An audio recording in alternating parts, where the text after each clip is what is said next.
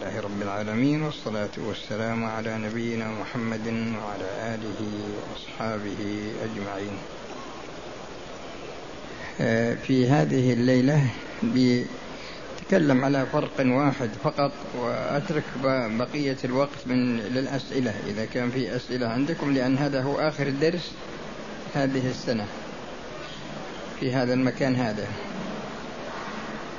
الفرق السادس والخمسون بين قاعدة رفع الواقعات وبين قاعدة تقدير ارتفاعها.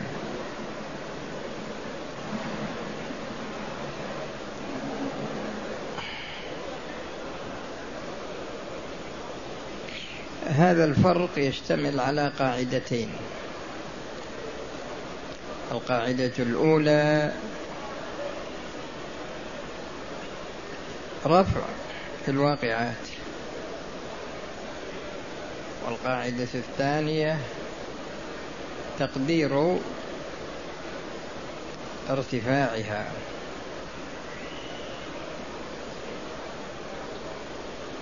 القاعدة الأولى يقصد منها أن الشخص إذا عمل عملا وكان هذا العمل توفرت فيه أركانه وشروطه وواجباته وانتفت موانعه توفرت أركانه وشروطه وواجباته وانتفت موانعه والمقصود بالموانع هنا المبطلات. أو اختل ركن من أركانه أو اختل شرط من شروطه أو اختل واجب من واجباته أو وجد فيه مانع من الموانع. يعني هو واقع الآن.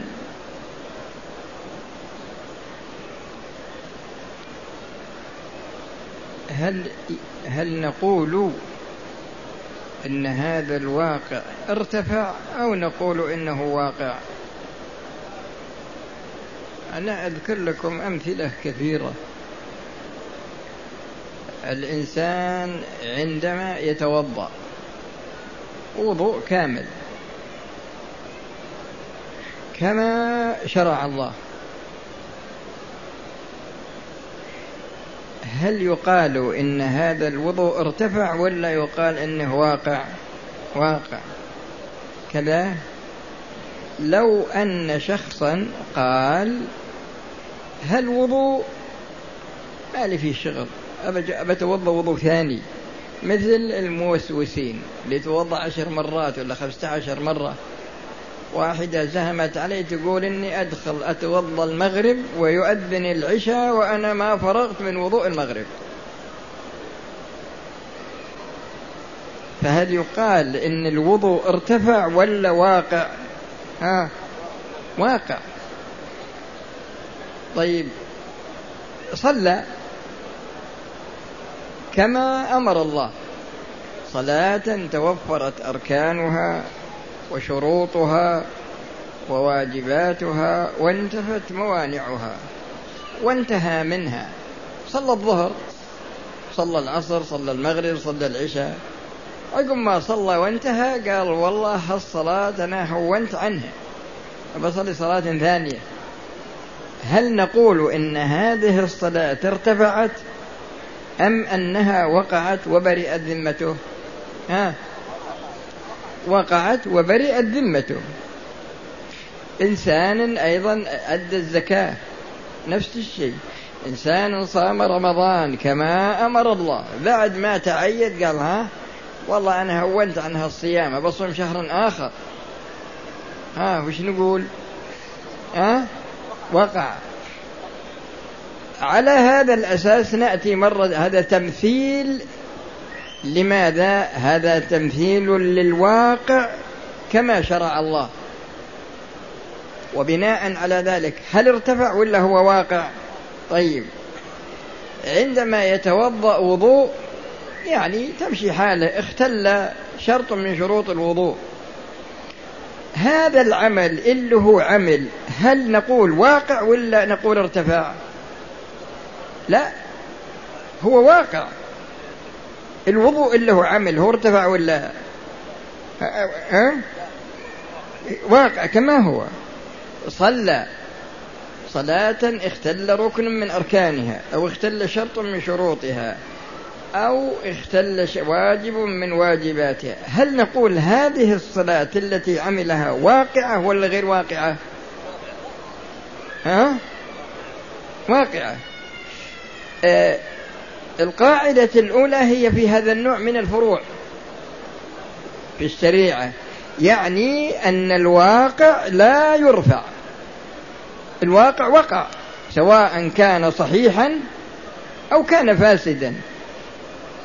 الواقع وقع سواء كان صحيحا أو كان فاسدا. هذا القاعدة الأولى وهذا أمثلة لها من جهة وهي يعبرون عنها بأن الواقع لا يرفع. الواقع لا يرفع. مثل الإنسان الآن إذا أقر عند القاضي وقال أنا في ذمتي لفلان ألف ريال هم قال والله هونت عن هالإقرار. هل يقبل قوله ولا ما يقبل؟ لا ما يقبل. فعلى هذا الأساس الواقع لا يرفع. وعلى المسار هذا تمشي جميع الفروع سواء كان الفرع مستكملا للمطلوبات الشرعية أو وجد فيه خلل. الواقع واقع كما هو. بصرف النظر عن حكمه. بصرف النظر عن حكمه. ويجري هذا نفس الشيء في الصلاة ويجري في الصيام ويجري في الحج ويجري في العمرة ويجري في الزكاة ويجري في المعاملات يجري في جميع أبواب الفقه. أن الواقع لا يرفع. هذه القاعدة الأولى وهذه فروعها. القاعدة الثانية هي اللي تحتاج إلى فهم لأن دي سهلة. وبين قاعدة تقدير ارتفاعها. بين قاعدة تقدير ارتفاعها. إذا كان العمل صحيحا إذا كان العمل صحيحا لا يمكن تقدير ارتفاعه. إذا كان العمل صحيحا لا يمكن تقدير ارتفاعه. لكن إذا كان العمل حصل فيه ما يجعله فاسدا. ما يجعله فاسدا. مثل الآن الإنسان إذا باع إذا باع مثلا سلعة وكان العقد فاسدا. هل نقول إن هذا العقد وقع ولا ما وقع؟ وقع. لكن نقدر عدم وقوعه لأن أركانه وشروطه واجباته وموانعه ما هي بكاملة فهو عقد فاسد. فنقدر أن هذا العقد لم يقع لأنه وجد فيه خلل. فنقدر انه ما وقع. لو أننا قلنا إن هذا العقد واقع ومعتبر ما الفائدة من هذا؟ الفائدة أننا نرتب عليه آثار العقد الصحيح. آثار العقد الصحيح. لكن إذا قدرنا أنه لم يقع. قدرنا أن هذا لم يقع.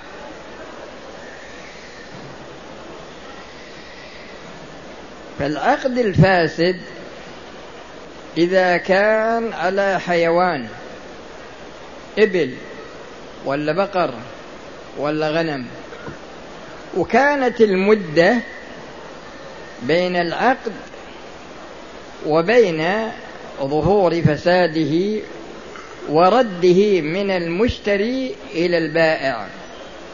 إنما في هذه الفترة إنما في هذه الفترة إذا ألغينا العقد من الأول وقلنا قدرنا عدم الوقوع فالنماء يكون للمشتري ولا للبائع؟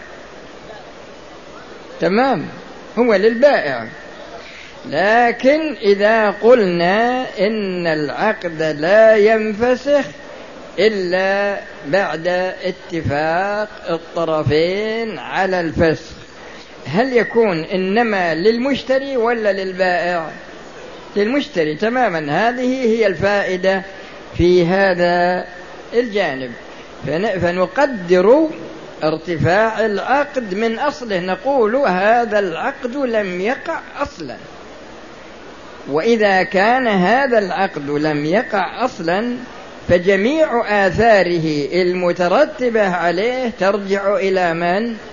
تمام ترجع إلى البائع ولا ترجع إلى من؟ ولا ترجع إلى المشتري تبين لنا الآن أن القاعدة الأولى وهي أن الواقع لا يرتفع. لكن إذا كان في شيء من هذا نقدر أنه ارتفع. في قاعدتان لهما علاقة بهذا الفرق وذلك أنا ذكرتهما من أجل أن تستفيدوا أكثر. هاتان القاعدتان القاعدة الأولى أن من قواعد الشريعة تنزيل الموجود منزلة المعدوم. تنزيل الموجود منزلة ماذا؟ منزلة المعدوم. القاعدة الثانية هي تنزيل المعدوم منزلة الموجود. القاعدة الأولى تنزيل الموجود منزلة المعدوم. الشخص إذا صلى خمسا ناسيا هل ننزل هذا منزلة المعدوم ولا منزلة الموجود؟ صلى خمسا ناسيا ها؟ أه؟ إيه هذا هو هذا. تنزيل الموجود منزلة المعدوم يعني. كأنما كأنما وجد. ومثل هذا مثل هذا علشان يتضح لكم أكثر. الآن الله تعالى يقول يسألونك عن الخمر والميسر قل فيهما إثم كبير ومنافع للناس وإثمهما أكبر من نفعهما. النفع موجود ولا معدوم؟ والإثم الضرر موجود ولا معدوم؟ موجود. لكن الشاعر الشارع نزل هذا الموجود منزلة المعدوم ولا لا؟ ها؟ نزله يعني كأنه لم يوجد كأنه لم يوجد. وهكذا عندما تكون المصلحة أقل لأن فيه الآن هذا هذا فيه مصلحة أقل. وفيه مضرة أكثر. فهذه المنفعة الأقل نزلها هي موجودة. لكن نزلها منزلة ماذا؟ منزلة المعدوم فلا بد من التنبه إلى هاتين القاعدتين. القاعدة الأولى تنزيل الموجود منزلة المعدوم. والقاعدة الثانية هي تنزيل المعدوم منزلة الموجود. أما ما ذكره المؤلف رحمه الله ففي إمكانكم تقرؤونه لأنه ذكر مجموعة من الأمثلة. لكن أنا وضحت لكم هذا وبالله التوفيق والحمد لله رب العالمين صلى الله وسلم على نبينا محمد وعلى آله وأصحابه أجمعين. وإذا كان في أسئلة ظنية شو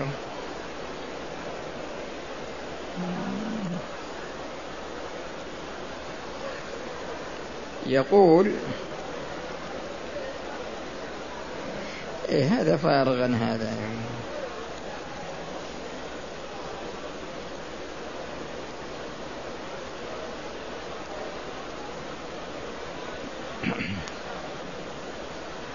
هذا يسأل عن جلود الحيوانات يعني جلد الذئب والكلب والإذا دبغ.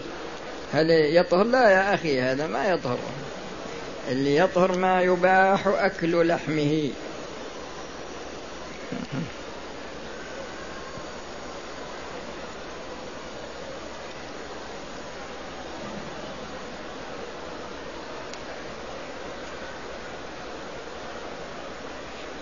ويقول إنك ذكرت إن إن الشريعة راجعة إلى ثلاثة أمور أذكرها. هي الضروريات والحاجيات والتحسينيات. ومن أراد أن يتوسع في قراءتها هي موجودة أحسن من تكلم عليها من العلماء الشاطبي في هذا في كتاب الموافقات.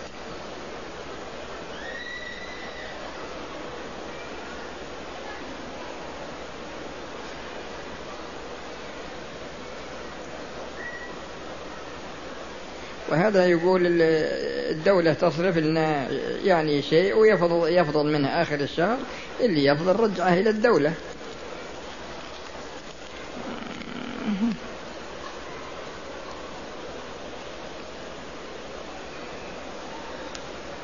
وهذا يقول ما هي الكتب والمتون التي تنصحون فيها في مجال العقيدة؟ وما هي آداب طالب العلم. أما بالنظر الأول فكتب العقيدة فيه آه، كتاب العقيدة الواسطية لشيخ الإسلام وفي كتاب شرح السنة للبربهاري وفي كتاب شرح أصول أهل السنة للالكائي ثلاثة عشر مجلد.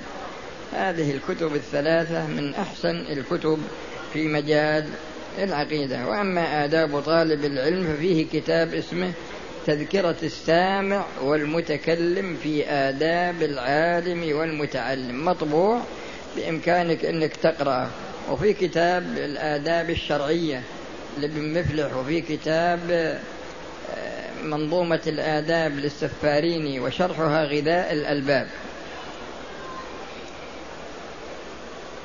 يوجد أسوار يوضع في أحد اليدين وبالذات في عظمة المعصم ويقال إنه أسوار. إيش؟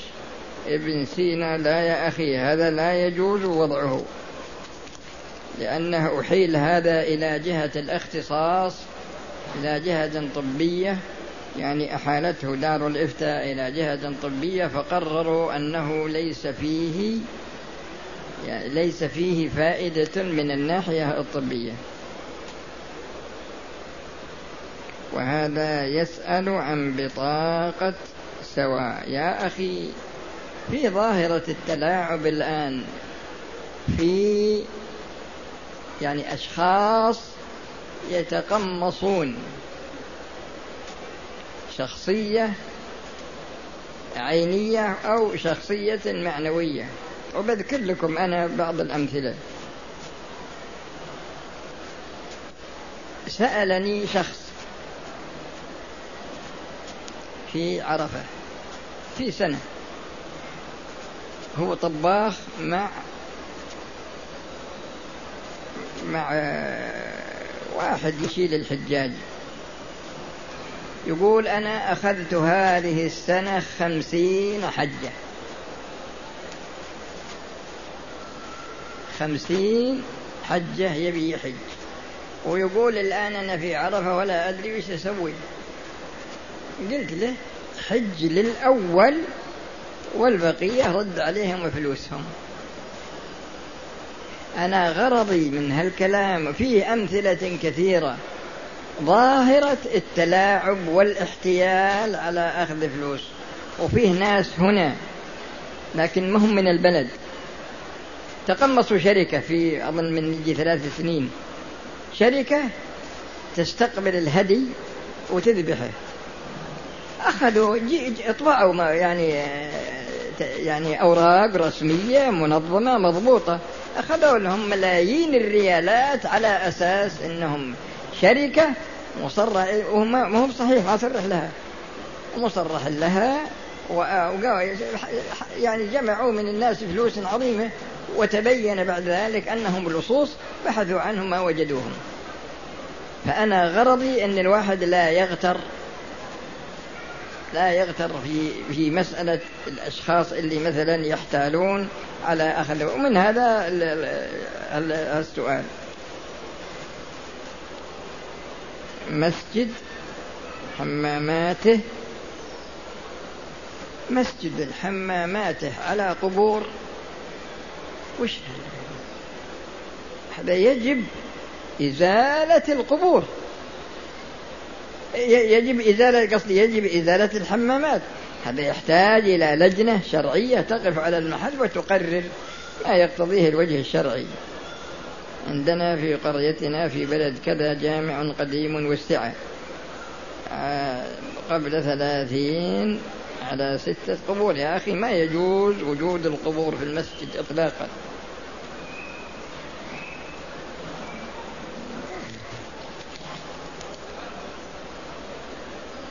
الله فاضي هذا.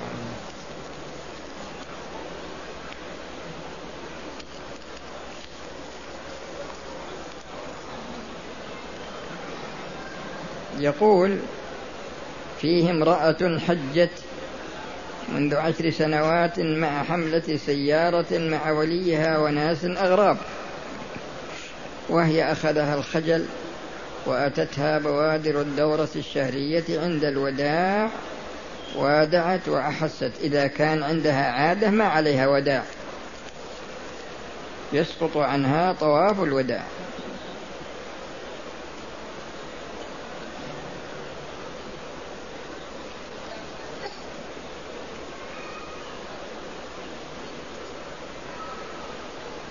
هذا موسوس. يقول حكم الصلاة على الفرش التي لا أعلم طهارتها خاصة يعني مثل إذا جيت الحرم.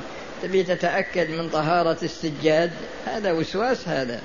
الأصل هو الطهارة.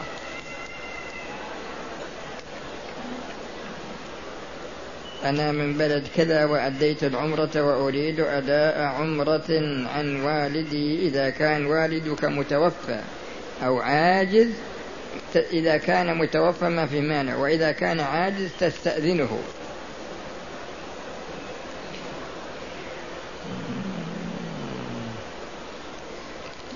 لا أجبنا عنها المساجد اللي فيها قبور أجبنا عنها بس. أثناء أداني أداء العمرة نزعت شعرة من وجهي ناسيا. عليك صدقة مسكين كيلو ونصف.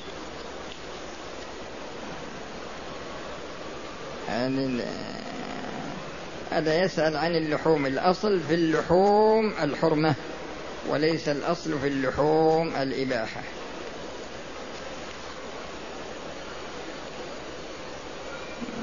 أديت الطواف قبل المغرب بربع ساعة وأجلت سنة الطواف بعد أذان المغرب ما عليك شيء.